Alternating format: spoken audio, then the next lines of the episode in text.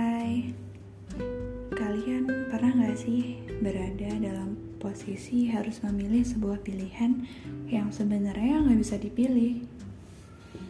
Di sini, kalian akan aku bawa bernostalgia pada sebuah perasaan yang memang nyaman pada porsinya. Hmm, jadi gini, sebuah rasa itu fana. Sederhananya, kamu punya rasa dan kamu anggap rasa itu bakal mudah dikendaliin. Misalnya, aku nyaman pada porsinya kok, nggak lebih. Siapa yang bisa mengendalikan rasa di sini?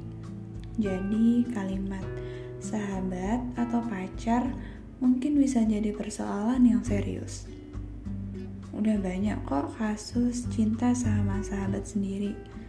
Bahkan terkadang kita pun lebih terbuka sama sahabat daripada sama pacar. Istilahnya, sahabat tahu seberapa baik kita, terus seperti apa kepribadian kita. Bahkan busuknya kita juga sahabat tahu. Dan dia bakal tulus nerima kita apa adanya. Jadi wajar kalimat sahabat atau pacar mampu membuat pendengarnya lemas seketika. Sama kayak kita. Aku nyaman kok sama kamu sebagai mestinya rasa nyaman, enggak lebih kita benar-benar senada, satu frekuensi. Kita nggak perlu berdebat dan nggak harus berdiskusi tentang sesuatu karena kita sama. Untuk saat ini, aku masih berada dalam kategori nyaman pada porsinya.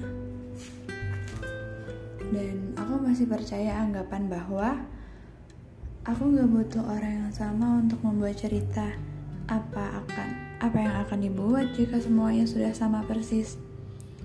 Aku butuh dia yang benar-benar berbeda untuk membuat cerita yang sempurna. Cuman ya, balik lagi. Rasa itu fana. Yang sekarang aku rasain belum tentu akan sama untuk beberapa tahun ke depan.